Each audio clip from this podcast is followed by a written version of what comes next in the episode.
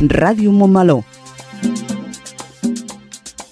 La ràdio municipal i digital de Montmeló.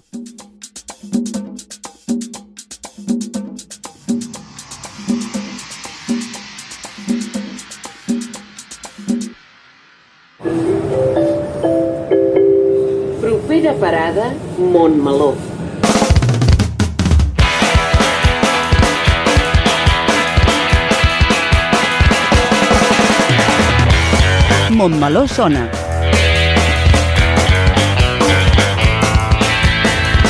El magazín informatiu de Ràdio Montmeló.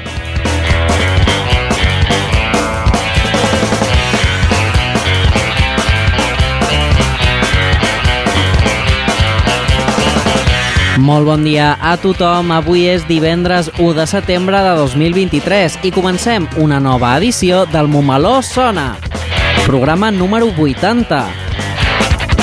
Avui comencem una nova temporada de Ràdio Montmeló. Tornem a la ràdio després d'un mes d'agost d'allò més calorós. Esperem que hagueu passat unes bones vacances ben refugiats del sol. Però aquests últims dies, gràcies a Déu, ja ha tornat a refrescar. Així que després d'unes vacances reparadores i acompanyats a la fresca, us portem al Montmeló Sona d'avui, en el que parlarem amb totes les persones col·laboradores a la ràdio sobre aquesta nova temporada. Sembla que va ser ahir quan vam començar la ràdio i en breus ja farem dos anys. A poc a poc la ràdio es va fent gran i tenim moltes sorpreses i projectes preparats per a aquest nou curs. Estigueu atents a les novetats que porta la nostra emissora. Moltes gràcies per escoltar-nos. Montmeló Sona és el magazín informatiu setmanal de Ràdio Montmeló, coordinat per l'equip de comunicació de l'Ajuntament. Avui, en comptes de les seccions habituals, comptarem amb entrevistes a les persones col·laboradores d'aquesta emissora. I a la locució del programa tenim a la Mercè Volart i un servidor, el Rubén Cantón. I una vegada fetes les presentacions, passem al sumari de continguts que tenim preparats pel programa d'avui.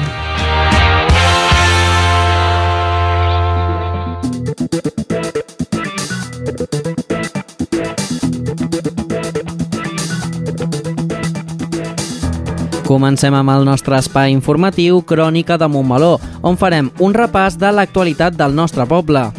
Després farem una ullada a l'agenda d'actes que podem trobar els propers dies a Montmeló.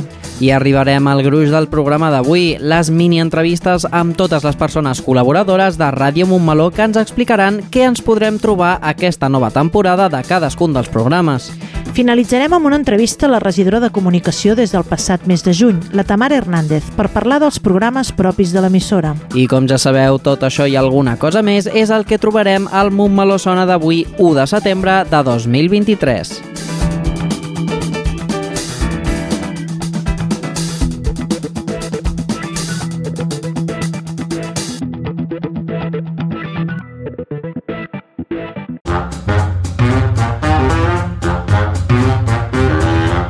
Montmeló sona, el magazín informatiu de Ràdio Montmeló. Montmeló sona i sona així de bé.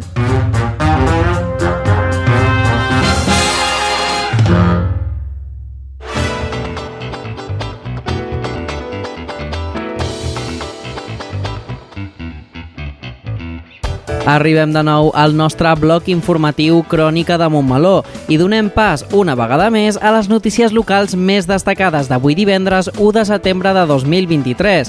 Com ja podeu imaginar, començarem parlant del Gran Premi de MotoGP d'aquest cap de setmana. Aquest és el sumari pel programa d'avui. Dimecres passat 30 d'agost s'ha fet la presentació del Gran Premi de Catalunya de MotoGP amb la presència de l'alcalde Pere Rodríguez. Aquest Gran Premi de motos acollirà per desè any consecutiu el programa Kiss Barcelona, un programa d'activitats que promouen valors com la sostenibilitat, la millora de la biodiversitat i la mobilitat sostenible. El Gran Premi a Montmeló es viurà amb la presència d'un gran nombre de públic al centre del poble on s'han preparat un espectacle d'estuns i un concert de música electrònica. Continuarem parlant d'esports, ja que Montmeló va viure el passat diumenge 27 el pas de la Vuelta Ciclista a Espanya pel centre del municipi. Feia 62 anys que no passava per Montmeló. Montmeló es prepara pel nou curs escolar fent treballs de millora a les escoles a primària del municipi. Amb l'arribada del setembre es tornen a reobrir els períodes de matriculació i inscripcions en els diferents equipaments educatius, esportius i socials. Encara pots apuntar-te a la borsa de participació ciutadana i formar part del Consell de Poble. La companyia de teatre i circ Impulsos fa residència a la sala polivalent per preparar el seu nou espectacle Llenguatges, que es podrà veure aquest proper dimecres, dia 6. A més de les notícies d'aquesta setmana, parlarem molt breument sobre l'agenda d'actes que ens espera des d'avui fins al cap de setmana dies 9 i 10 de setembre.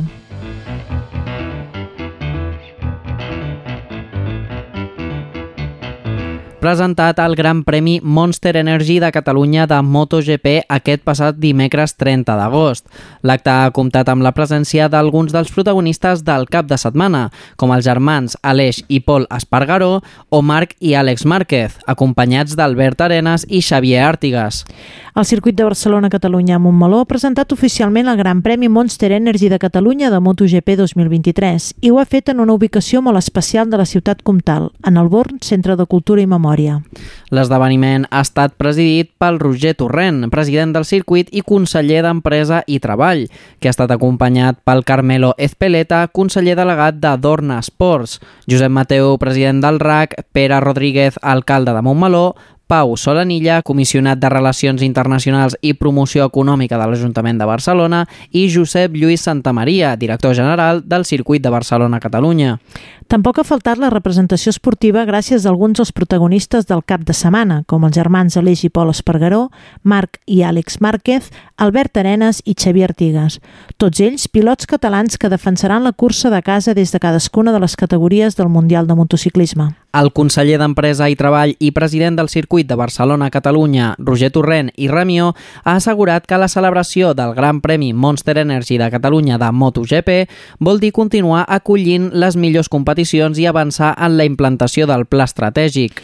El director general del circuit, Josep Lluís Santamaria, ha volgut fer constar que enguany, a més, tornem a tenir competició de motos elèctriques, que se suma a les habituals MotoGP, Moto2 i Moto3. És una prova que fa molta il·lusió recuperar, ja que està organitzada per una empresa catalana, Dorna, part d'aquest projecte en els seus inicis. Santa Maria tampoc ha passat per alt les novetats que tant el circuit com Dorna han implementat en aquesta edició. Ens hem centrat en fer l'experiència del públic molt més satisfactòria, amb fons d'aigua, ombres i noves propostes d'entreteniment, ha dit. L'acte de presentació el van tancar els pilots locals, els germans Espargaró, que van manifestar la seva gran alegria de tornar una edició més a casa per córrer davant de tota la seva gent. Pol, a més, torna al Mundial després del greu accident que va patir a Portugal a la primera cursa del Mundial. Durant el transcurs del Gran Premi de MotoGP es portarà a terme una vegada més una nova edició del programa Kiss Barcelona, que promou activitats relacionades amb valors ecològics, socials i de mobilitat sostenible. La plataforma Sustainability Meeting Point del circuit promou el KISS Barcelona acollint-se novament al programa KISS, Keep It Shine and Sustainable, de la FIM Right Green. El programa ja té una dècada d'història coincidint amb el 30è aniversari de la FIM Right Green. El Gran Premi de Catalunya de MotoGP torna a promoure accions en el marc dels ODS de Nacions Unides. Algunes d'aquestes accions són l'ús d'energia 100% renovable, el lloguer de generadors de baixes emissions, l'aposta per l'autoconsum energètic, la donació d'excedents d'aliments, l'oferta d'aliments de quilòmetre zero i ecològics, la presència de fonts d'aigua potable en les zones de públic, la millora de la biodiversitat de les zones verdes, la col·laboració amb empreses amb valor social, la valorització valorització i reciclatge de residus, el foment de la mobilitat sostenible, l'ús de l'economia circular i moltes altres més. Montmeló es prepara per l'arribada del Gran Premi de MotoGP que es disputarà el mes de setembre. El poble ja s'ha omplert de senyalitzacions indicant els diferents punts d'interès per conduir el públic cap al centre del municipi i els punts de transport com són l'estació de DIF i la parada de les llançadores de bus de la plaça d'Ernest Lluc. Al mateix temps ja estan ubicant els diferents paradistes de venda de marxandatge de productes típics de motociclisme. La plaça d'Ernest Lluc també serà el lloc on s'ubicarà la zona de bars que muntaran les diferents entitats locals que ho hagin demanat. La policia local s'encarregarà com cada any de coordinar tot el dispositiu de seguretat per tancar el centre del nucli urbà durant aquests dies i controlar els diferents accessos de sortida i entrada de Montmeló. Aquest dispositiu tindrà el recolzament de Mossos, Policia Nacional i l'ajut de diferents grups de voluntariat de protecció civil. L'Ajuntament de Montmeló ha estat un any més l'encarregat d'organitzar i gestionar la zona de càmping de Can Guitet, al costat de la porta 6 del circuit. Hores d'ara, l'espai no es troba ple al 100% i l'afluència de campistes està sent fluida i es preveu que s'ompli. La zona destinada exclusivament a caravanes i rolots ja està totalment ocupada des de fa dies. Pel que respecta a les activitats organitzades per aquest cap de setmana, es concentraran a la zona del Pedregà. Allà es farà una nova edició de competició de motos stunts que de ben segur farà les delícies del públic motero amb les seves acrobàcies sobre les dues rodes. Avui divendres 1 i demà dissabte dia 2, a partir de les 6 de la tarda, els pilots d'estants realitzaran diferents sèries d'acrobàcies i proves per competir entre ells i sobretot per entretenir el públic que acudirà al Gran Premi de Motos. A partir de les 10 de la nit, a uns metres d'aquesta zona, començarà el Festival Vibra de Música Electrònica amb la presència de diferents DJs. Aquesta activitat tancarà els actes programats per aquesta edició del Gran Premi de Catalunya de MotoGP. I deixem el motor, però no deixem els esports, ja que parlarem de la Vuelta Ciclista a Espanya que aquest passat diumenge va circular pels carrers del centre de Montmeló. Feia 62 anys que aquest fet no passava i la gent va respondre omplint el centre de la vila. Malgrat el xàfec que va caure mitja hora abans del pas dels corredors i la pluja persistent de divendres i dissabte, la gent es va donar cita al centre de Montmeló per veure el pas dels corredors de la Vuelta 2023 que cap a dos quarts de dues van passar per Montmeló. Es tractava de la segona etapa de la Vuelta que transcorria entre Mataró i Barcelona. Els corredors havien de donar una volta al circuit de velocitat i per tal motiu van passar pel centre del nucli urbà de Montmeló. La gent va viure molt d'interès al pas de tota la caravana publicitària de la Vuelta i després el pas dels corredors que, malgrat l'asfalt moll, van passar a gran velocitat. Va ser un vist i no vist, però tothom es va entusiasmar amb el pas del, dels pilots. El públic va omplir les voreres des de l'Avinguda Pompeu Fabra fins a la benzinera. Montmeló es prepara pel nou curs escolar fent treballs de millora a les escoles de primària del municipi. A l'estiu, aprofitant l'aturada lectiva dels centres educatius, és el moment ideal en què l'Ajuntament de Montmeló aprofita per fer-hi els treballs de manteniment. És el cas de l'Escola Poquesals de Montmeló, on s'han fet millores en el sorral, però una de les actuacions més importants és la renovació de la pintura que es fa a les zones comunes del centre, com són els passadissos. Aquests treballs els ha fet una empresa externa i han tingut un cost de 30.000 euros. Aquesta és una de les actuacions en aquesta escola, però n'hi ha d'altres. Ho explicava als micròfons de Vallès Visió el regidor Antoni Gil en el menjador amb un arranjament particular en el qual el que pretenem exactament és eh, al marge de canviar el color i de pintar el conjunt és les parts baixes que són les que més eh, s'embruten doncs donar-li un tractament específic, allisar, treure el gotelé i allisar-lo per tal de que eh, la neteja a futur d'aquesta zona sigui molt millor. Però en definitiva el que estem fent aquí és pintar tots els àmbits de les zones comunes de, del centre escolar. També a l'Escola Sant Jordi de Montmeló es fan arranjaments per manteniment, uns treballs que són per resoldre un dels problemes que té el centre quan plou perquè l'aigua es filtra per algunes estances de la planta baixa. Aquí el que estem fent exactament és eh, generar una canal, no una nova canal, per evitar doncs, que les aigües que s'aboquen en aquest àmbit d'aquí doncs, es condueixin directament als invernals per evitar que puguin accedir a qualsevol altre espai doncs, eh, o estança de l'escola. També s'han arranjat lavabos de la, de la planta baixa, també s'han arranjat, i així s'aniran fent els arranjaments habituals. Tots aquests treballs han estat acordats amb els equips directius de les dues escoles amb l'objectiu de fer-hi actuacions de millora. Amb l'arribada del setembre es tornen a reobrir els períodes de matriculació i inscripcions en els diferents equipaments educatius, esportius i socials. Aquest és el cas del Centre de Formació per a Persones Adultes de Montmeló, ubicat a la G2M, i de l'Escola Municipal de Música a la plaça de la Quintana. Tots dos centres educatius reobren aquest dia 1 de setembre el període de matriculació pel nou curs 2023-2024, que ja va obrir durant tot el mes de juliol. L'oferta formativa d'amb dos centres, així com els horaris d'atenció al públic i la documentació necessària, la podeu trobar en les diferents webs dels centres i a la pàgina web municipal. Un altre equipament que també reemprèn la seva activitat és el pavelló municipal amb la nova temporada de l'escola esportiva i de les diferents activitats dirigides. L'escola esportiva també va obrir període d'inscripcions el juliol passat, però les famílies que encara no hagin fet la inscripció encara són a temps. El curs començarà els dies 6 i 7 de setembre. Per la seva banda, el pavelló començarà el seu programa d'activitats dirigides aquest dilluns dia 4 de setembre que va des del Pilates i el Zumba fins a la gimnàstica per a la gent gran, a més de l'oferta de la sala de fitness. Al mateix pavelló us informaran del preu i dels horaris d'enguany.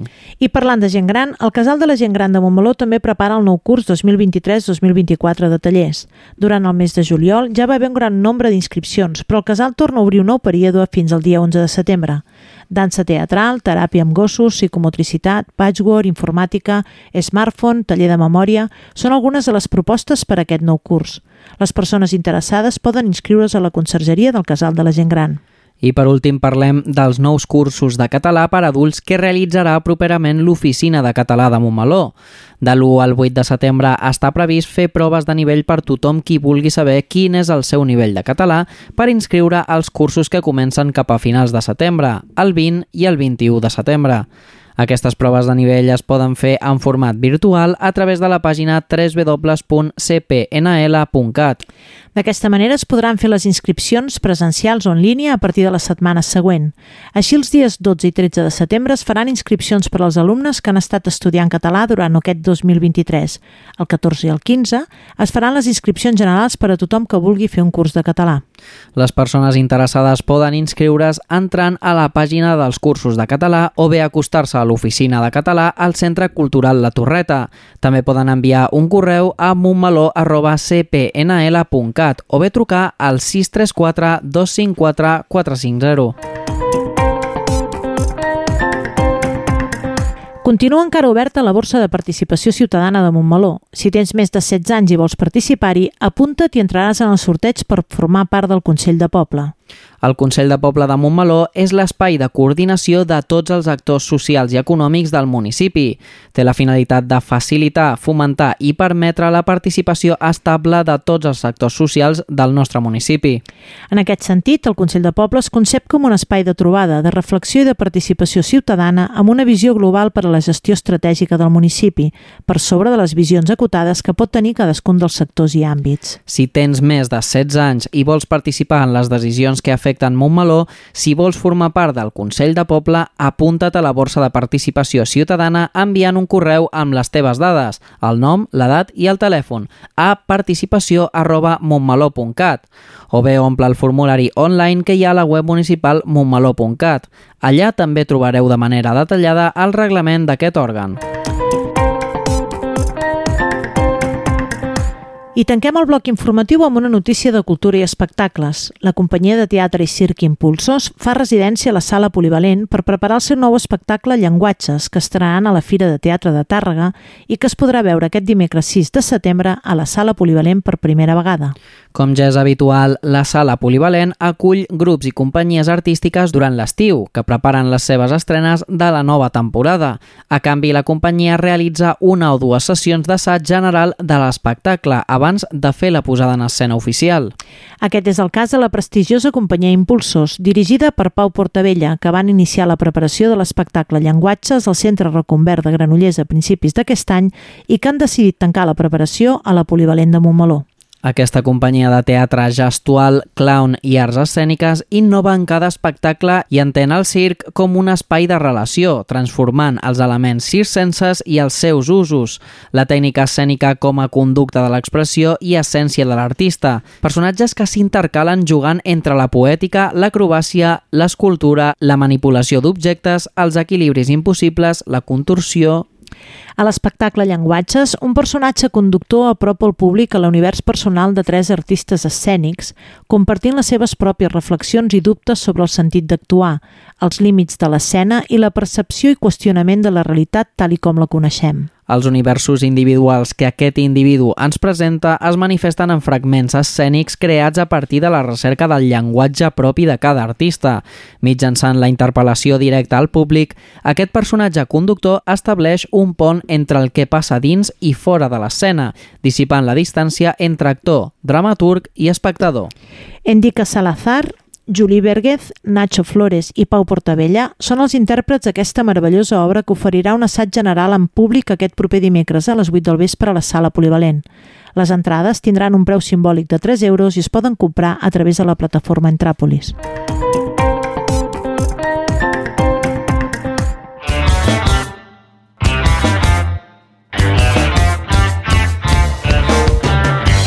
Iniciem el bloc de l'agenda d'activitats culturals que avui serà molt breu. Aquestes són les activitats programades per aquest cap de setmana i pel proper. Aquest cap de setmana, la principal activitat de l'agenda és el Gran Premi de Catalunya de MotoGP. L'activitat al circuit ja ha començat avui divendres i es prolongarà fins al migdia de diumenge. Pels aficionats al motor, avui ja han començat els primers entrenaments lliures de les diferents categories. A la tarda, de 6 a 7, els aficionats podran visitar el pit lane i estar molt a prop dels corredors. Demà dissabte, més entrenaments i curses al matí i a la tarda de Moto E, motos elèctriques. A les 3 del migdia tindrà lloc la cursa sprint de 12 voltes de MotoGP. I diumenge comença l'activitat més competitiva del Gran Premi a les 11 del matí amb la cursa de Moto3. Una hora més tard tindrà lloc la de Moto2 i a les 2 de la tarda es donarà la sortida de la prova de la gran cilindrada de MotoGP.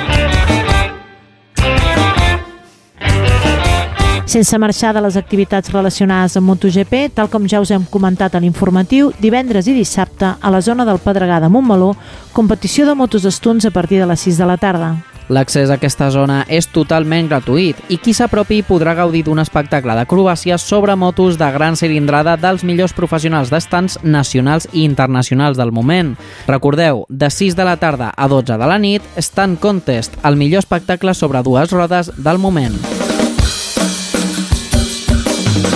I paral·lelament, a partir de les 10 de la nit, al costat de la pista, començarà una nova edició del Festival de Música Electrònica Vibra, divendres amb l'actuació d'Atco i de Aulau, i dissabte amenitzarà la nit els DJ Juan Paclaret i Juanma Martínez, música i ritme fins a les 4 de la matinada. Deixem les motos i us recordem molt breument que el dimecres dia 6 a les 8 del vespre podreu veure un espectacle familiar de circ per adults a la Polivalent. Es tracta de l'espectacle Llenguatges, que la companyia Impulsos oferirà abans de la marxa a la Fira Internacional de Tàrrega, on farà l'estrena oficial. Una gran oportunitat de gaudir d'un espectacle de primera categoria en el seu àmbit artístic, al preu simbòlic de 3 euros. Podeu comprar les entrades a la plataforma Entràpolis. I fem un petit salt en els dies i marxem el dilluns dia 11 de setembre per recordar-vos que, com cada any, la penya blaugrana de Montmeló organitza l'ofrena floral a la plaça Rafael Casanovas de Montmeló, amb motiu de la Diada Nacional de Catalunya. L'acte començarà a les 11 del matí amb la lectura del manifest de 2023, l'ofrena floral de les diferents entitats locals i una audició de sardanes a càrrec de la Cobla Súria. L'acte es tancarà amb un vermut de germanor. Doncs això és tota la informació municipal que teníem pel dia d'avui. Tot això i algunes coses més les podeu veure, sentir i llegir a les xarxes municipals, al web montmeló.cat o a l'agenda mensual. La setmana vinent tindreu més notícies i activitats al nostre municipi. Salut i gaudiu d'aquest inici del mes de setembre.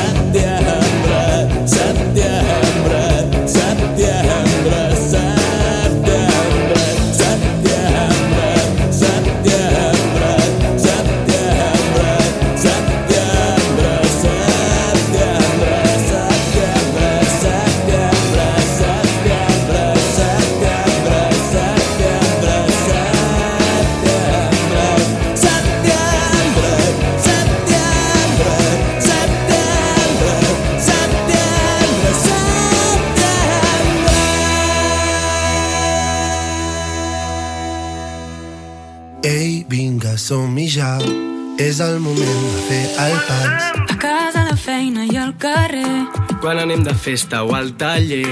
Parla'm amb el teu accent. Només hem de començar. Va, provem-ho en català. Tu per mi i jo per tu. I quan vulguis tots plegats. Molt per parlar, molt per Provem-ho en català. Molt per parlar, molt per viure. Generalitat de Catalunya. Sempre endavant.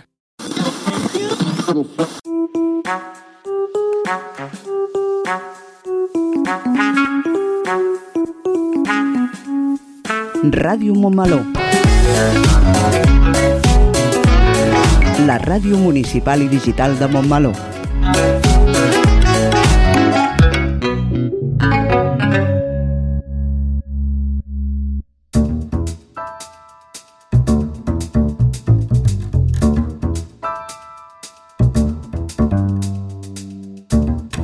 I passem al bloc de l'entrevista que en aquesta ocasió, en aquest primer programa de la temporada del Montmeló Sona, parlarem amb els col·laboradors de la ràdio perquè ens expliquin què ens podem trobar en aquesta nova temporada de cadascun dels programes.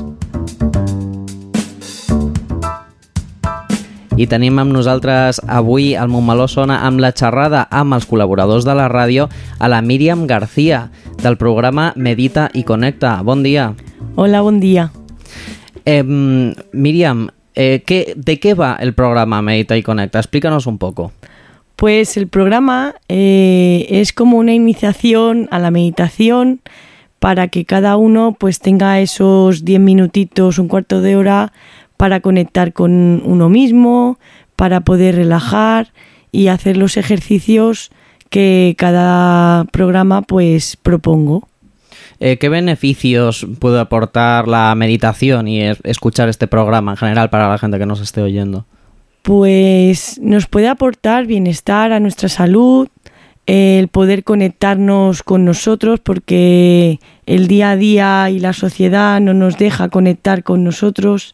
Entonces, pues esos 10 minutos que podamos coger para, mm, para ese ratito o ese, ese estado de tranquilidad, pues nos puede aportar esa, esa paz. Y Miriam, ¿cómo preparas el programa?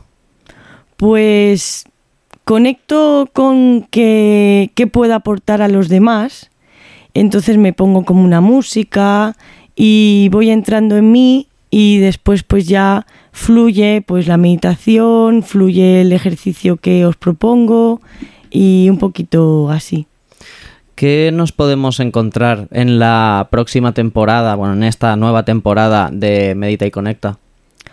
Pues nos podemos encontrar con, con ejercicios de, por ejemplo, qué es la felicidad, qué, qué es la abundancia, eh, qué podemos encontrar en nosotros mismos, eh, no sé, em, varios, varios temas que nos pueda aportar pues esa conexión y, y ver con facilidad que todo está dentro de nosotros.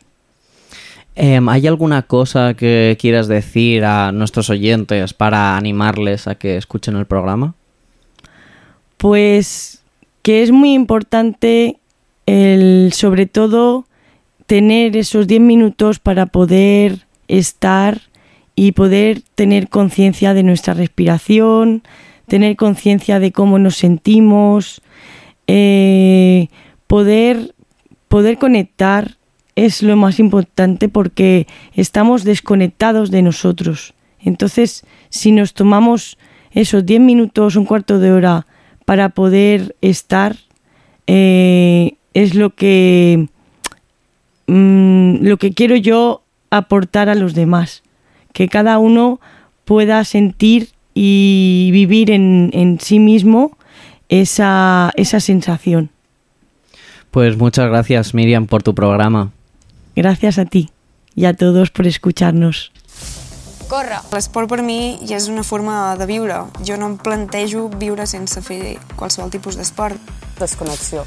Deixar de banda tot el que hagi passat al llarg del dia i poder-me centrar en alguna que al final em fa feliç. Mou-te. L'esport t'ensenya a superar-te, a afrontar reptes i aconseguir els teus objectius. Uh, tinc tot el dret de poder patinar. Jo, quan era petita, no tenia referents femenins. Ara tinc a, a dones amb qui fixar-me i dir buah, jo vull ser com ella. Activa't! Realment hi han coses més importants que fer esport? És una part molt important de la nostra vida. Viu! No ho deixis perquè algun dia podries ser tu referent per a altres nenes petites. Fes esport, el que més t'agradi i sobretot no ho deixis. És superimportant en totes les etapes de la nostra vida. Corre, Mou-te, activa't i viu. La Diputació de Barcelona amb l'esport femení. 15 són 15, 15, 15, 15, 15 són 15, 15, 15 són...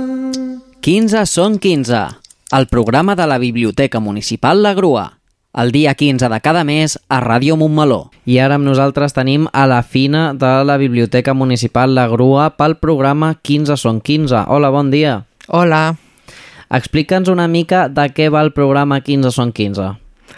Bé, el programa de 15 són 15 és un programa on la biblioteca dona a conèixer al públic totes les novetats que anem rebent al llarg dels mesos, perquè cada mes la biblioteca rep novetats i és una forma de donar-les a conèixer, a part de les xarxes i dels mitjans de comunicació que tenim nosaltres. I a més d'això, també fas recomanacions de llibres especials per temàtiques especials o per eh, llibres que teniu al Club de Lectura, no? Exacte. També aprofitem per donar a conèixer el Club de Lectura de la Biblioteca i donem a conèixer les obres que llegim, per si algú més està interessat i es vol apuntar. També aprofitem per donar a conèixer a l'autor que algunes vegades ens visita i podem comentar amb ell l'obra que tractem en el Club de Lectura. I a més a més també aprofitem quan hi ha celebracions o reivindicacions al llarg de l'any especials, doncs aprofitem per donar a conèixer el fons que tenim sobre elles, com pot ser el 8 de març, el Dia de l'Orgull, o qualsevol altra temàtica que puguem considerar especial, com ha sigut a en l'últim programa que hem fet eh, sobre desinformació i fake news. I què poden trobar els oients en aquesta nova temporada del 15 són 15?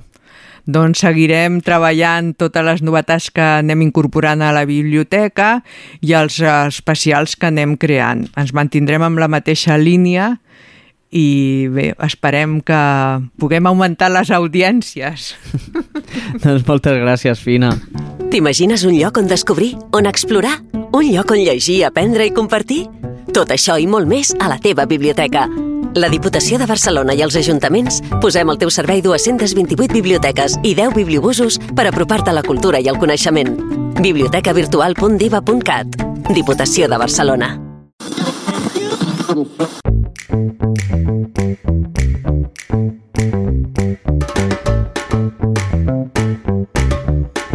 Ràdio Montmeló. La ràdio municipal i digital de Montmeló. I continuem amb les preguntes amb els col·laboradors de Ràdio Montmeló amb la Noemí López, tutora de quart del curs passat de l'Escola Pau Casals. Bon dia. Bon dia. Eh, vens pel programa Els infants també parlen, el programa de les escoles eh, municipals de Montmeló. Eh, en què consisteix aquest programa? Què és el que podem escoltar? Doncs mireu, aquest programa eh, ha estat una experiència molt enriquidora i motivadora. Ens ha servit per ampliar el projecte de ràdio que teníem a l'engegat a l'escola i els infants s'ho han passat superbé perquè venia a l'estudi de la ràdio, posar els auriculars i parlar amb el micròfon, els ha agradat molt i s'ho passaven d'allò més bé venint aquí i tenia moltes ganes de tornar i repetir. Um, com us prepareu el programa a les classes amb els nens? Doncs la veritat és que té molta feina prèvia a venir a fer l'enregistrament, eh, ja que els alumnes, per exemple, per fer les entrevistes, el primer que es va fer va ser decidir a qui volíem entrevistar, una pluja d'idees. Mm. Després s'havia de contactar amb aquestes persones i veure si tenen disponibilitat per venir a la ràdio. I finalment ja es feia el treball més de llengua, que vam començar analitzant not diferents notícies, entrevistes, per deduir quin tipus de preguntes es feien als entrevistadors, quin, com es podien classificar, de quin tipus eren, si eren més personals, si eren d'associació, si eren d'activitat, si eren més del que feien, de com es podia contactar amb ells. I aleshores, un cop ho teníem clar, eh, per grups, normalment pensaven les preguntes a fer, després les posàvem en comú i finalment, un cop teníem decidides quines eren, les distribuïem a cada entrevistador que se les enduia a casa per preparar-se-les i així el dia de la gravació ja les podia fer el convidat que tinguéssim. I pel que fa a les notícies, doncs havíem de tenir en compte que el programa sortia el mes següent d'estar enregistrat, per tant no podia ser una notícia molt d'actualitat del moment, sinó que havia de ser una mica més àmplia. I vam estar parlant de projectes de l'escola, com per exemple la Codebot, projectes que havien fet de Montmeló, perquè així fos una cosa temporal. I per últim, um, què, què ens podrem trobar a la propera temporada dels Infants també parlen? Doncs la propera temporada eh, seguirem treballant per venir a fer el programa i hem fet algunes propostes noves, aviam si, si quallen, i seguirem fent entrevistes o poder fer també notícies, eh, monogràfics, etc. Doncs moltes gràcies, Noemí. A vosaltres. Adeu. Gran gent gran. El magazín del col·lectiu de pensionistes. El dia 1 de cada mes a Ràdio Montmeló. I continuem el programa parlant eh, en aquesta ocasió del podcast Gran Gent Gran i ens acompanyen el Ramon, la Mercè i el Lluís. Bon dia. Bon dia. Molt bon dia. Uh, en què consisteix el programa Gran Gent Gran? De, de què va? Ens estem mirant tots tres aquí dient de què va, de què va. Home, penso que hem tingut tot un any per saber de què va, perquè, bueno, doncs amb, amb contents, des de l'1 d'octubre doncs vam començar aquesta aventura i que ens veu, ens veu brindar el fet de, de poder parlar de, dels temes que nosaltres volem parlar, dels temes que pensem doncs, que són d'interès amb la gent amb la gent gran i, i estem contents perquè ens, pensem que hem fet, eh, hem parlat d'aquests temes, eh, eh, ens hem divertit eh, fent-los i sobretot eh, hem fet participar a, a aquests entrevistats i entrevistades que són els veritables protagonistes dels nostres programes. I això d'aquí doncs, ens, ens dona ens satisfà el sentir algú que et digui escolta, vam escoltar aquella senyora que deia vam escoltar aquell senyor que ens diu i això d'aquí és el que bueno, i, i realment per què no dir-ho, ja ho he dit ens ho passem bé, oi Mercè? Sí, bàsicament. jo parlo per mi personalment, que això, um, no sé, m'hi vaig apuntar així una mica pensant, ai, pobre de mi, que hi puc aportar jo aquí, i bueno, el meu granet de sorra penso que també ho faig i, i em diverteixo molt i, i no sé, és una tasca que m'agrada molt de fer. Eh, sou un grup d'unes quantes persones, o sigui, el, el programa, eh, els integrants del programa sou 5, 6, depenent també del programa que sigui. Eh, crec que és el programa que més integrants té de, del que fem. Com, com us organitzeu per fer el programa? Quin és el vostre, el vostre tarannà, la manera de fer el programa? Mira, abans de que et contesti el Ramon, mm -hmm. jo només et dic, clar, som molts perquè tenim un petit secret. Estem tots jubilats. Bé, eh, som un grup mm, d'unes 12, 12 persones, eh, algunes més actives que altres, eh, però sempre quan ens, ens reunim cada, cada dimecres a, a la Torreta i en allà doncs, eh, decidim de quin tema volem desenvolupar el, el proper programa i eh, a partir d'aquí doncs, eh, comencem a, a generar doncs, un guió i anem cadascú amb la part que més domina va desenvolupant els temes. Ens ho passem molt bé. Eh, per què creieu que és important tenir un programa com aquest aquí a la ràdio? Home, bàsicament doncs per això dèiem, per parlar de les coses que a nosaltres ens semblen interessants, per donar veu també doncs, a aquestes persones doncs, que a vegades anem a recuperar eh, doncs, parlant, no sé, hem tingut entrevistes de la solitud i han anat a persones que realment han fet un procés de, de solitud important o, o, o, o, de, de la- l'activitat física i l'esport a la gent gran i, i hem anat a, a buscar persones que ens han donat consells, eh, doctors que ens han donat consells per fer la gent, la gent gran doncs, aquí a Montmeló. Doncs això d'aquí és una mica...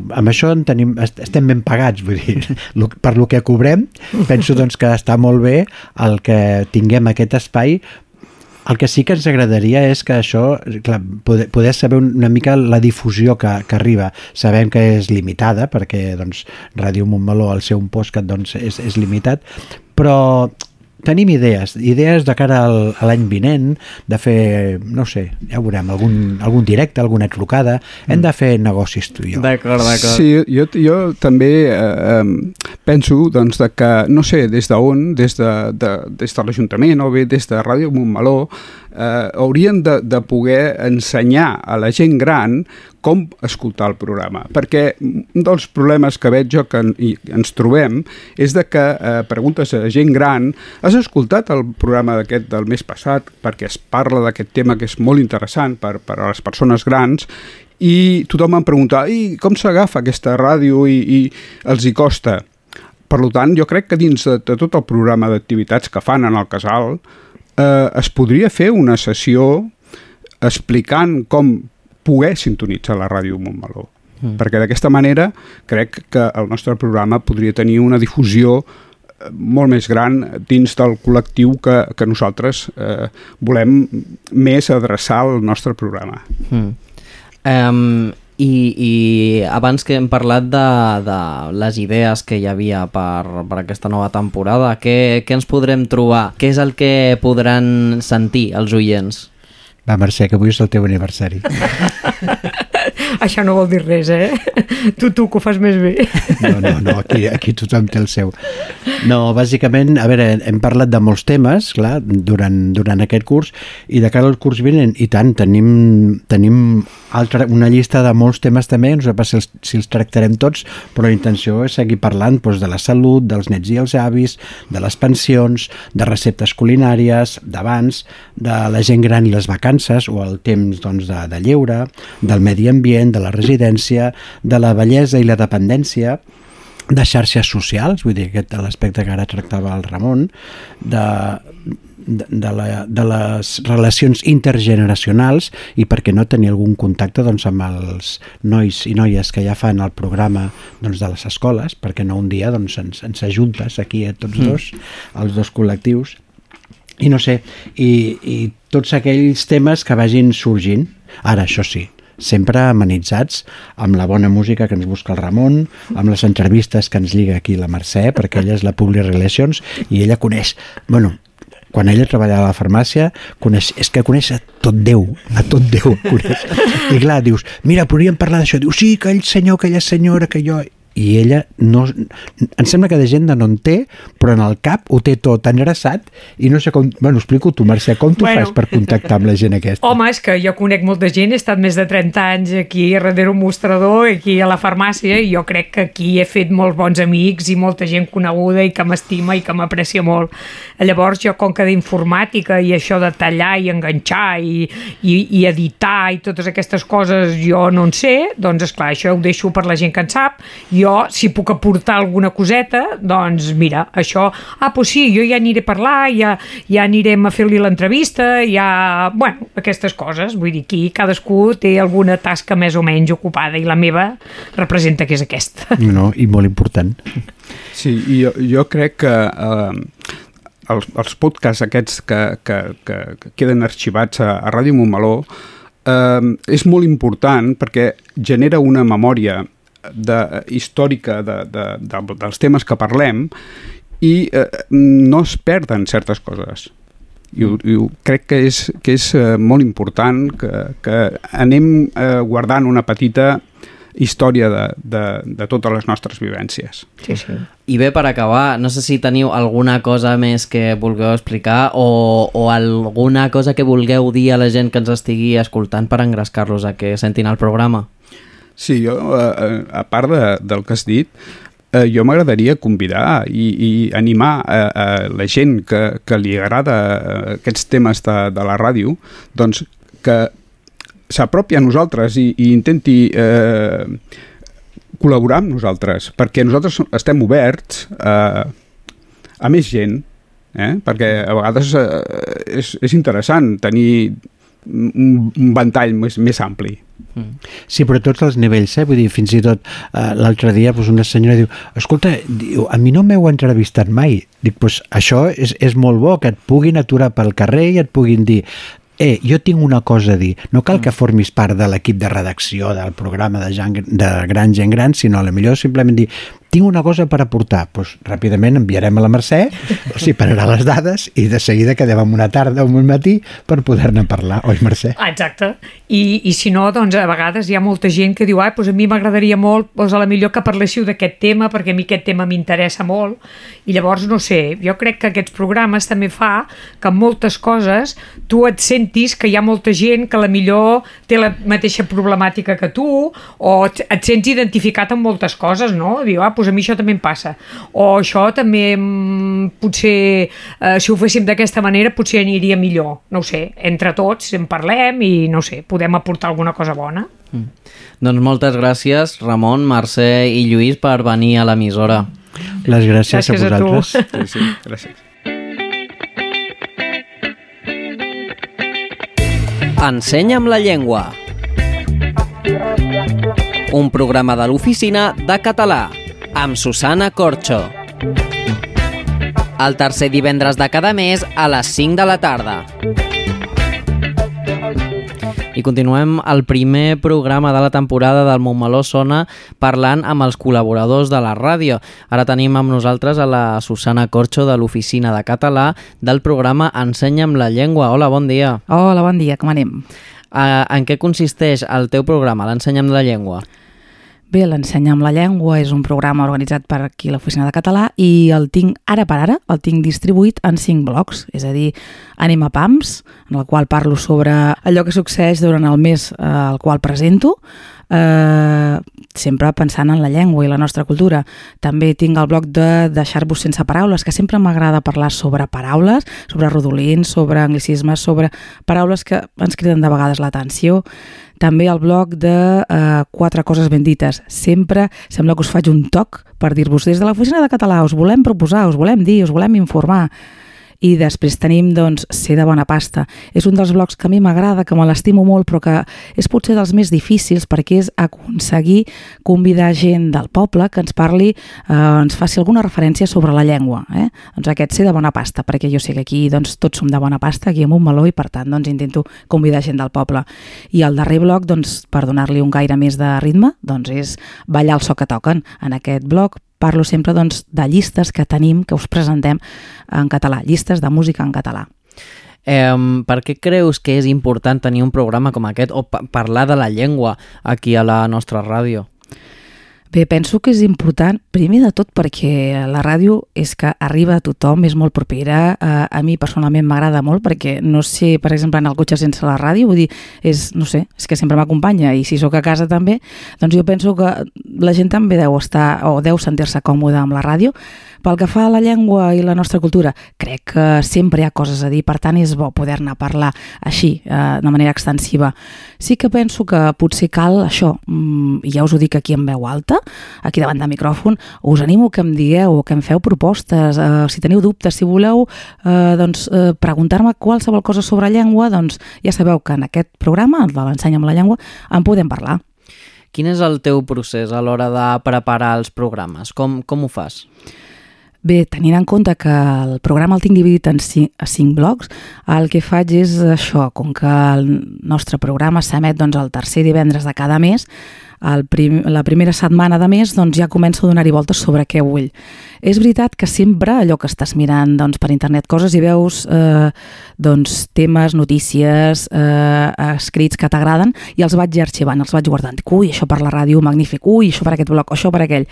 I és veritat que quan arriba ja la primera setmana de cada mes ja tinc doncs, allò cosetes apuntades i després ja cal doncs, donar-li color, eh, fer-lo agradable i fer-lo més entenedor per tal que en aquest cas us pugui agradar i us pugui arribar tota la informació clara. I pels oients que ens estiguin escoltant, què és el que es poden trobar eh, en aquesta nova temporada?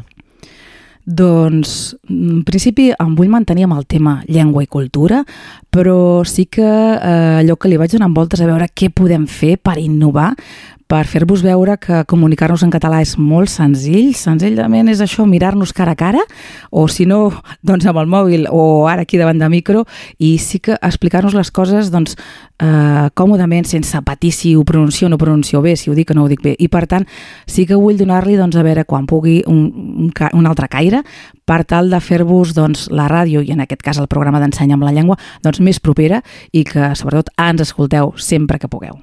Doncs ja sabeu, el tercer divendres de cada mes, no us ho perdeu. Moltes gràcies, Susana. Gràcies a vosaltres. Gràcies, Robin.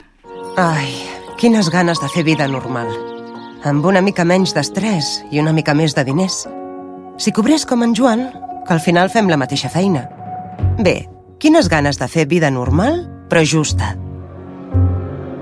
I sense discriminacions.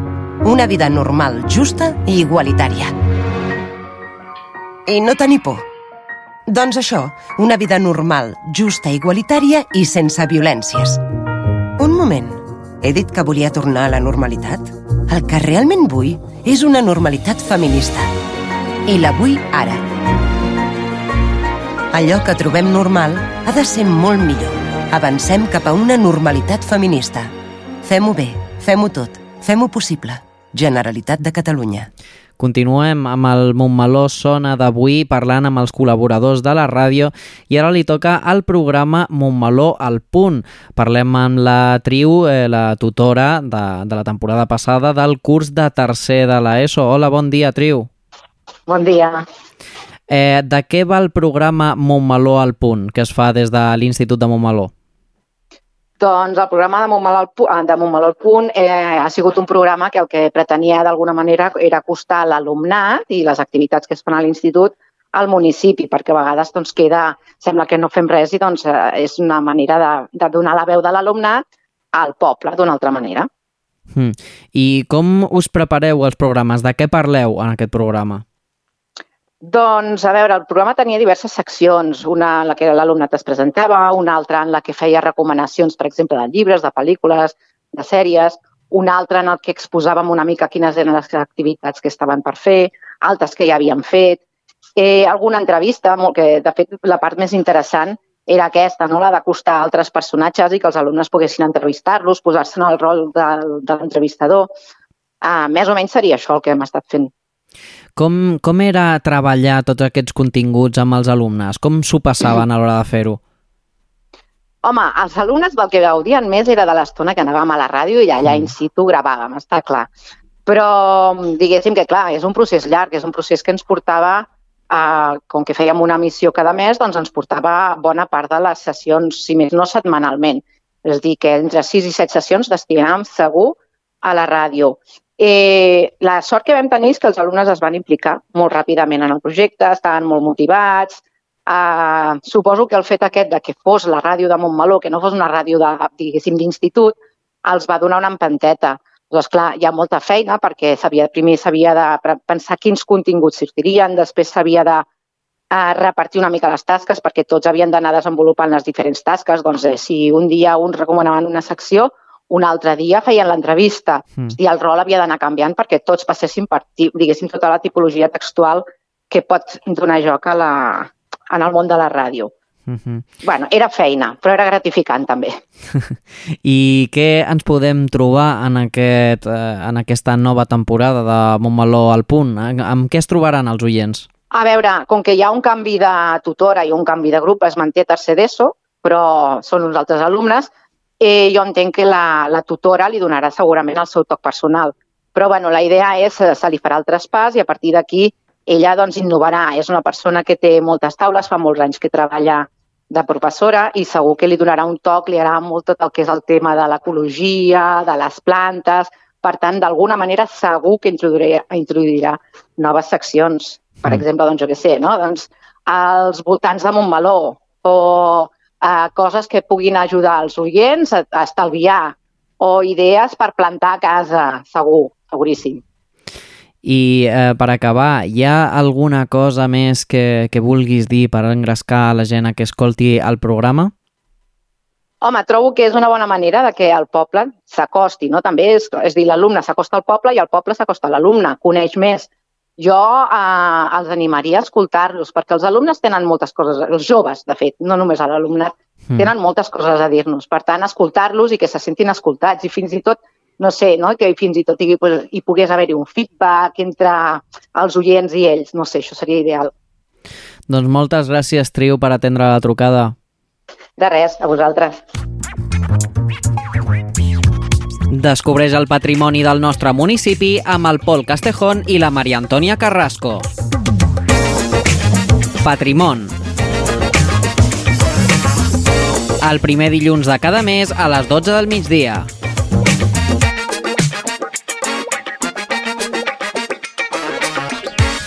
Seguim amb el programa especial amb els col·laboradors de Ràdio Montmeló, el primer programa de Montmeló Sona d'aquesta temporada, i ara tenim amb nosaltres el Pol Castejón i a la Maria Antònia Carrasco. Bon dia. Bon dia, com va això? Bon dia. En quin programa participeu vosaltres aquí a la ràdio? Patrimon. I, i, de, I de què va? Expliqueu, expliqueu una mica a la gent que ens està escoltant eh, què podran sentir en aquest programa. Bé, doncs el que pretenem, el que intentem és uh, posar en valor doncs, uh, tot el patrimoni que té Montmeló, que en té molt, en té molt conegut i desconegut i intentarem en, aquest, en aquesta temporada que tot el patrimoni que sigui realment conegut, bé sigui arquitectònic, mm, arqueològic, eh, històric, cultural, immaterial, que també en tenim sí. molt, doncs és això, és portar-ho perquè tothom, aquell que no ho conegui, doncs que ho conegui. Sí, acostar-ho a la gent i nosaltres encantats de fer-ho. I tant. Eh, com us prepareu el programa? Un programa sobre patrimoni, sobre mo molta història, d'on traieu tot això i com prepareu cada, cadascun dels programes? Bé, a veure, tant el Pol com jo mateixa, mm, a veure, el Pol treballa al museu, ell mm. està implicadíssim en aquest tema, jo m'encanta, sóc aficionada i historiadora i llavors sempre m'encanta tot relacionat amb Montmeló. Jo crec que amb, amb la sabidoria dels dos sí. i el que hem escrit i estudiat... Exacte, i a més a més el que fem és uh, mirem el que està passant actualment a I sí, Montmeló, no? intentem relacionar-ho. Que, exacte, que si uh -huh. carnaval, doncs mira, els carnavals com eren.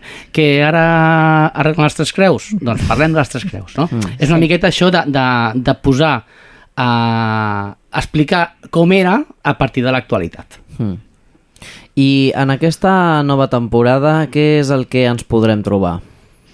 Bé, una mica um, seguirem ampliant els coneixements. Però no s'expliquis tot perquè si no no ens escoltaran. No, no, no, no, no, no, no, no.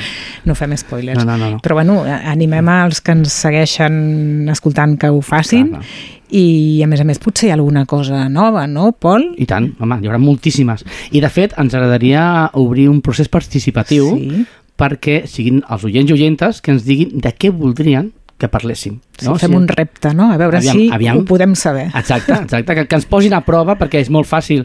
Doncs sé això, parlo d'això. No, no, sí. que ens diguin, volem això i aviam si... O per què això, sabeu per què això és així? O per què? Pues nosaltres eh, encantats. Que, que, ens, que ens posin feina, que ens posin un problemes. I llavors, doncs, bueno, um, tenim el, el mail, que suposo que ens els deixareu per fer això, sí, no? sí, sí, radiomo.bomolo.cat mm. o si no per les xarxes socials, que ens diguin, aviam, que ens posin en problemes, que ens donin un repte i... Intentarem fer-ho. Exacte. doncs ja sabeu, si voleu eh, escoltar sobre escoltar parlar sobre algun tema en concret, eh, envieu-nos un correu a radiomo.cat o contacteu amb nosaltres per les xarxes socials o per les xarxes socials també de, del museu i, de, i del centre d'estudis. Sí, exacte. Sí, sí. Eh, doncs moltes gràcies, Pol i Maria Antònia, per passar per la ràdio. De res. Ah, tu, que vagi molt bé. Un plaer, adeu. El primer diumenge de cada mes, acompanya'ns a Ràdio Montmeló a prendre un vermut amb Alex Atanes, Bruno Cáceres i un convidat nou cada programa. Un vermut con, el primer diumenge de cada mes a Ràdio Montmeló.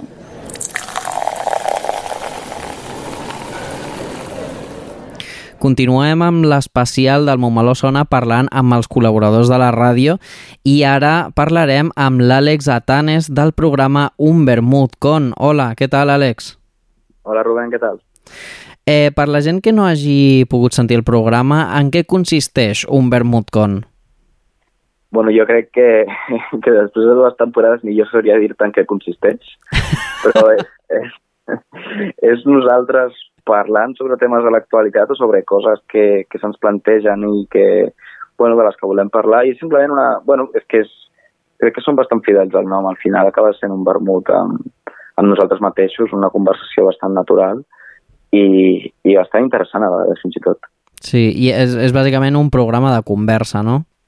Exacte, exacte, és, és parlar de coses i és bastant entretingut, t'haig de dir, perquè jo després de gravar-los, eh, una o dues setmanes després me'ls escolto i hòstia, doncs m'estic passant bé escoltant-lo, no? Imagina't, que ja ho he viscut, però m'estic passant bé escoltant-lo. Sí, sí, són, són divertits. Sí, sí, sí, total. Eh, I en aquesta nova temporada què ens podrem trobar? Hi ha algunes novetats o seguirem més o menys en la mateixa línia? Com anirà? Bueno, jo crec que, que novetat en quant a format i això potser el que ja és com Bruno i jo hem pogut tenir una altra experiència uh, junts radiofònica, Mm. potser és veritat que, que ara uh, ens, ens ocorrem més, eh, pot anar de dues maneres, o ens ocorrem molt més o anem més a, a, a lo salvatge. jo, O sigui, hi ha, hi ha, les dues possibilitats són extrems. Sí, sí, sí, exacte, exacte. Perquè és, o seguim més, va, bueno, joder, no, ens anem a currar, va, vinga, va, si no sé què, o diem, bueno, no, aquí hem de ser supernaturals i super no sé què, no sé, és que no sé què passarà, encara no, és que ni, ni ho hem parlat, o sigui, però també crec que és el guai que no saps què passarà en qualsevol moment del programa, si podem posar alguna xorrada d'àudio o volem fer no sé què, ho fem. Dir, Mentre ens doneu per part. Doncs, doncs ja ho veurem, ja ho veurem quan, eh, quan comencem la temporada de Vermut. I per últim, eh, què els hi diries a la gent que ens estigui escoltant ara per animar-los a que sentin el programa? Què, què té d'especial un VermutCon? Bueno, jo crec que és un programa que et pots posar en qualsevol moment i que és un programa que, que t'has d'escoltar tranquil. Mm. Que no pas, és, és a dir, és un programa per anem a dir, per dormir-te escoltant-lo.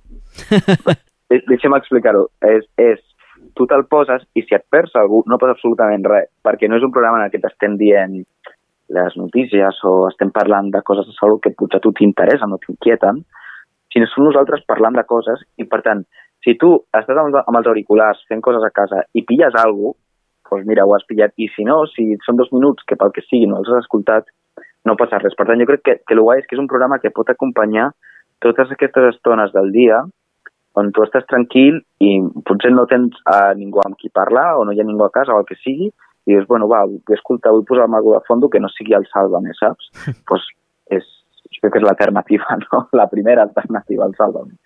És una mica com, com quan quedes amb els amics i està tothom parlant i arriba un moment que desconnectes una mica i estàs pensant com en les teves coses, però a l'estona tornes a reenganxar la conversa. Total, total, total, és, és literalment això. Sí, sí, sí. Per això t'ho deia, que és que al final, que saps que t'ho estàs passant bé, però que dius, bueno, no passa res perquè aquesta conversa no va a cap lloc, no passa res si em dos cinc minuts per, per posar-me en mòbil per desconnectar una mica, saps? Sí. Sí, exactament això.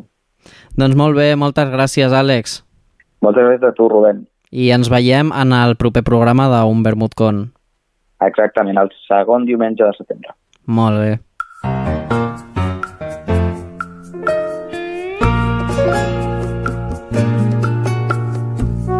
I després d'haver escoltat a totes les persones col·laboradores, toca parlar dels programes propis de l'emissora. Montmeló Sona seguirà igual. La secció Toquem el 2 acabarà al mes de desembre, però ja estem preparant una nova secció de la qual us parlarem quan sigui el moment. Per parlar de la resta de programes hem convidat a la Tamara Hernández, regi- regidora de comunicació des del passat mes de juny. Hola Tamara, eh, no vas passar pel confessionari de la ràdio, així que avui et farem unes quantes preguntes per saber una mica més de tu, d'acord? Perfecte. Nom i cognoms. Tamara Hernández Guzmán. Edat? 34, 35 al novembre.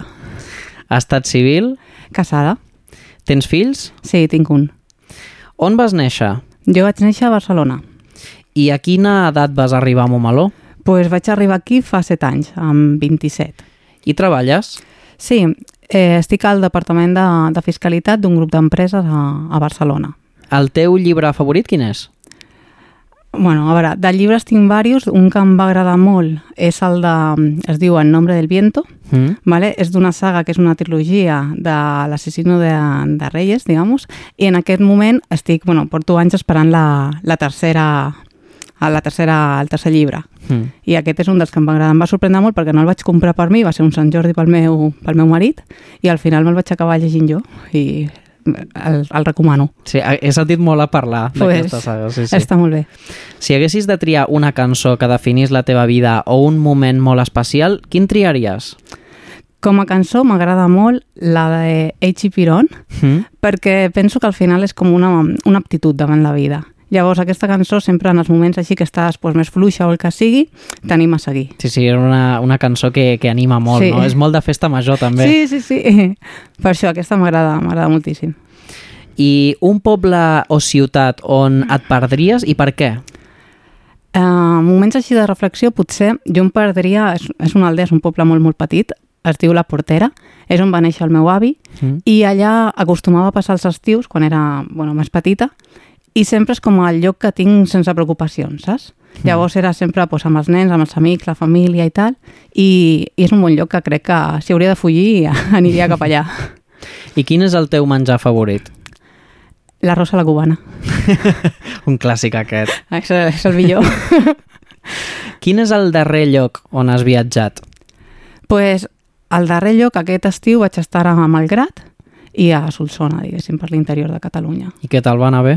Sí, l'únic amb l'hora de calor i tal va ser una mica criminal, Sí. però, però sí, no, però va estar molt bé. Eh, practiques algun esport? Quin? Actualment no practico res. Fa un, bueno, com un parell d'anys el que feia, no sé si es considera esport, és zumba. Bueno, sí, sí. I tant, i, I, tant. I, bueno, és el que més m'agrada, però al final és una estona que estàs ballant, desconnectes, fas exercici i es passa molt bé. Què recordes del Montmeló quan, quan vas arribar? pues, a veure, quan vaig arribar, de fet, sent sincera, vaig arribar per l'estació de tren, no vaig arribar per una altra cosa. I vaig començar a caminar, clar, jo, jo venia, de, venia de Barcelona, i vaig arribar al final de tot, del que és Santo Cristo, vaig veure així els sos i tot això, i vaig dir, ja està. Llavors, eh, el recordo com molt petit. Mm. Això és el... I que només coneixia doncs, el tema Montmeló com el circuit, saps? Aquesta fama que té, però al final, bueno, un cop estàs aquí no, no ho canviaria. Mm. Creus que ha canviat alguna cosa des d'aleshores? Bueno, jo imagino que també amb la meva vida, eh, abans era com, una ciutat dormitori, però jo treballava a Barcelona, venia aquí a dormir i tal, el fet de, de ser mare, de, de tenir el nen al col·le i tal, també m'ha integrat molt més amb el tema de, doncs, d'estar amb els veïns, a conèixer a la gent de Montmeló, i per tant sí que he trobat un canvi. Però és aquest canvi de, del propi desconeixement del que és el, el propi poble. Si et demano que tanquis els ulls i busquis un record, quin és el primer que et, que et vindria al cap? Per mi, i crec que això, bueno, sempre serà el, quan va néixer el meu fill. Mm. És a dir, és un moment que, que no s'oblida mai. No, no pots oblidar ni el que has passat i aquell moment en el que ja el tens i, no sé, sentimentalment parlant, és això que diuen de no ho saps fins que no ets mare, que dius sí, sí, vale, però no, però sé que sona potser com, no sé, jo, jo ho vaig sentir així, és a dir, jo realment aquell moment no canviaria per res i és, i és molt bonic, com un record. Si poguessis tirar enrere en el temps, primer, en quin moment et situaries i segon, què canviaries? Aquesta és difícil. Aqu- Aquesta és molt difícil en el sentit de que al final eh, eh, el fet de que estigui aquí ara és com conseqüència de tot el que he fet a la meva vida. Sí. Per tant, anar enrere o canviar coses seria escollir un altre moment o, saps? o un univers alternatiu, per dir-ho Mm. d'una manera. Eh, potser no és que m'arrepenteixi, no és això, però sí que quan vaig acabar l'institut, vale, que vaig, jo vaig fer la selectivitat i tal, em vaig examinar per la doble via, i el que volíem fer era com, bueno, jo volia una carrera a algun lloc per estudiar, per, per treure, bueno, treure calés, començar a treballar i buscar-me una mica la, la meva vida. Llavors em vaig ficar a estadística. Mm. I vaig estar com dos anys a la carrera d'estadístiques per després canviar-me a empresarials, que és el que vaig fer, i penso que potser aquests dos anys de la meva vida me'ls podria haver estalviat i, i estaria igual que estic ara. Però bueno, potser seria això el moment que, que canviaria. Hmm. Però bueno, al final també aquests moments sempre tre treus alguna sí, cosa. Sí, sí, eh? és a dir, són anys universitaris, són experiències, són vivències, és a Sí. dir, també vaig estar treballant i, de fet, bueno, de les primeres feines va ser arrel d'estar allà. Per tant, no, no em puc queixar, és a dir, jo, jo penso que, que som conseqüència de, de la nostra vida, dels nostres actes i de tot el que anem decidint, tant, tant per bo com per dolent, saps? Sí. Què és el que més valores de les persones? El que valoro, diguéssim, a mi m'agraden molt les persones amb valors. Siguin, siguin iguals que els meus o no, vale? és a dir, aquestes persones que tenen molt clar el, el, o el que són o el que volen a la vida, diguéssim, i que les veus venir, saps? Mm. Això que dius... Mm, que no van amb doble, amb una cara o, o amb una màscara, que tal. Jo sempre valoro això, la, la claritat, la sinceritat Mm. i el ser ferm a, a un mateix. I què et treu de polleguera? Em treu de polleguera, així com el més, el que menys, diguéssim, m'agrada, és de cara a les persones quan et diuen que faran alguna cosa i no faran. Mm. Vale? Perquè jo soc, tiro a confiar a la gent i llavors és una de les coses que, que sempre t'acaben fent mal, diguéssim. Perquè tu al final has donat aquest vot de confiança o has dit, bueno, pues, confio que si dius alguna cosa és perquè, perquè al final es fa o, o està a la teva mà fer el que sigui. Llavors, quan te n'adones que no, això sempre em decepciona. Sí. I és el que pitjor porto, almenys de la gent. Mm. En quin moment decideixes entrar en política i per què? Aquesta també és difícil, és a dir... Uh, bueno, ho vaig decidir doncs, fa, si les eleccions van ser al juny, dos mesos i mig abans. No és una cosa que diguessis eh, estava decidida. Al final m'ho van proposar, vaig veure bueno, que podia aportar coses i, i al final, en el meu temps lliure, diguéssim, doncs, intentava doncs, millorar la societat d'alguna manera. Llavors, el fet de que et donessin un vot de confiança i que poguessis estar, doncs no només jo, jo feia coses per l'AFA i de més, doncs al final és, bueno, doncs no estic només de cara a les famílies de la meva escola, sinó estic de cara a tot el poble. I vaig pensar que era una bona manera de, de, de gastar, diguéssim, o d'invertir el temps que tinc en, en millorar. Mm. Llavors, així va ser. No... I per acabar, si tinguéssim una vareta màgica que et pogués concedir un desig, quin demanaries? Jo demanaria consciència social. Mm. Crec que falta molta. I crec que si realment totes les persones fossin ja no més considerades, sinó que se n'adonessin del que elles individualment poden fer i que un cúmul del que fa cadascú suma molt, aniria al món millor, però en molts sentits. Mm. Llavors aquest seria el meu, el meu desig. Bon desig. Gràcies.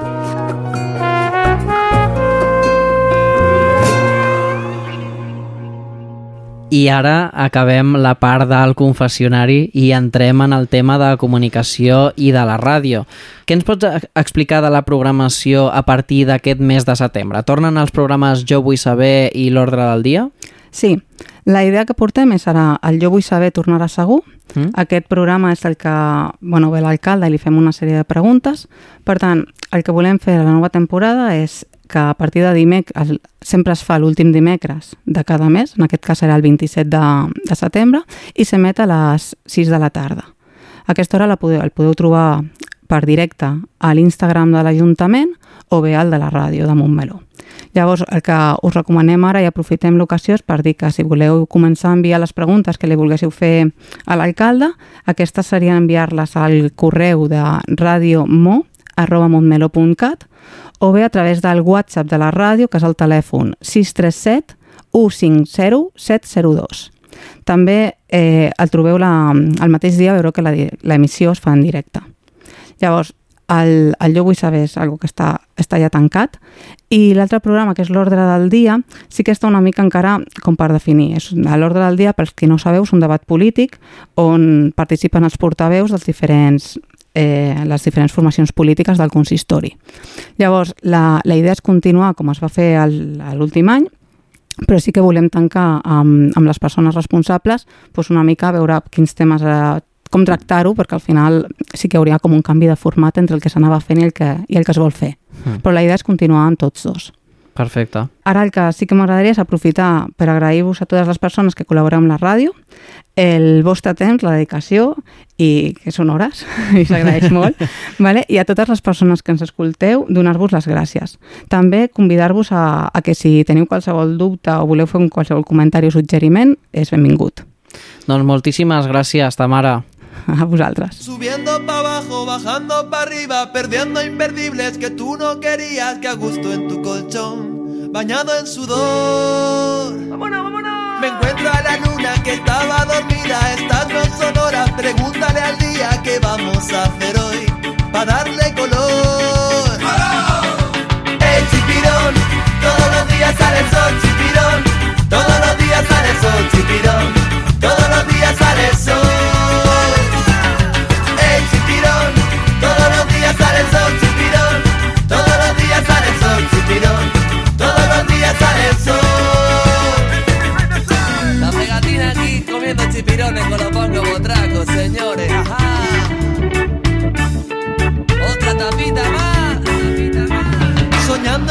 Perdiendo la vida, cruzando fronteras que no eran prohibidas, hagamos el amor, fluyamos tú y yo.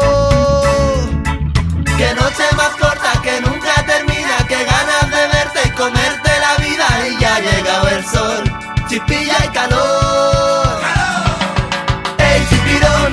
Todos los días sale el sol, chipirón. Todos los días sale sol, chipirón. Todos los días sale el sol. Sale el sol,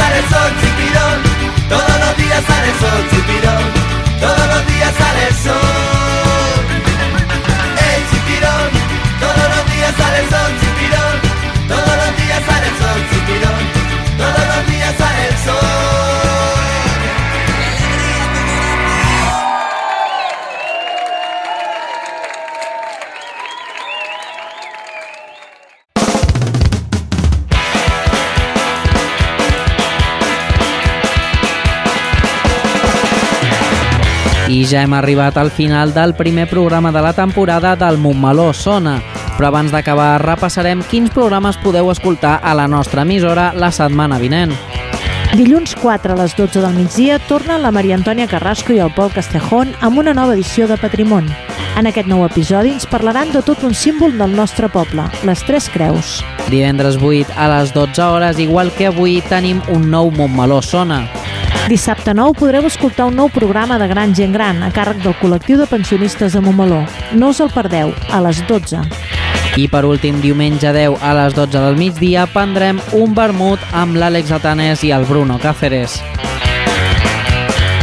Amb tot això marxem, però com ja és costum us volem recordar que podeu contactar directament amb l'emissora si teniu qualsevol idea, suggeriment o opinió, mitjançant el nostre correu radiomor.montmeló.cat o a través del telèfon i WhatsApp 637 150 702. Moltes gràcies per retrobar-vos amb nosaltres. Aquí seguirem treballant per informar-vos de les notícies i esdeveniments més importants del nostre municipi i entretenint-vos amb la nostra variada programació. I ja sabeu que Montmeló tornarà a sonar divendres 8 de setembre de 2023 a les 12 del migdia.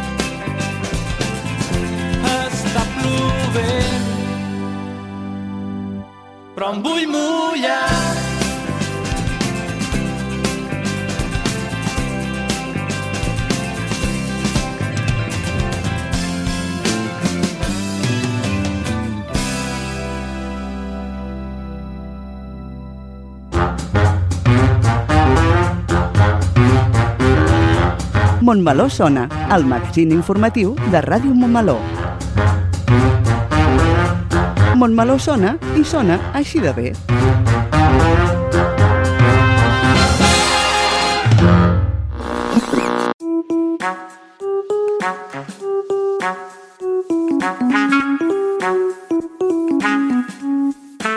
Ràdio Montmeló. Sintonitza'ns al web radiomontmeló.cat i a través de les xarxes d'Instagram, Facebook i Twitter. Ràdio Montmeló, la ràdio municipal i digital de Montmeló.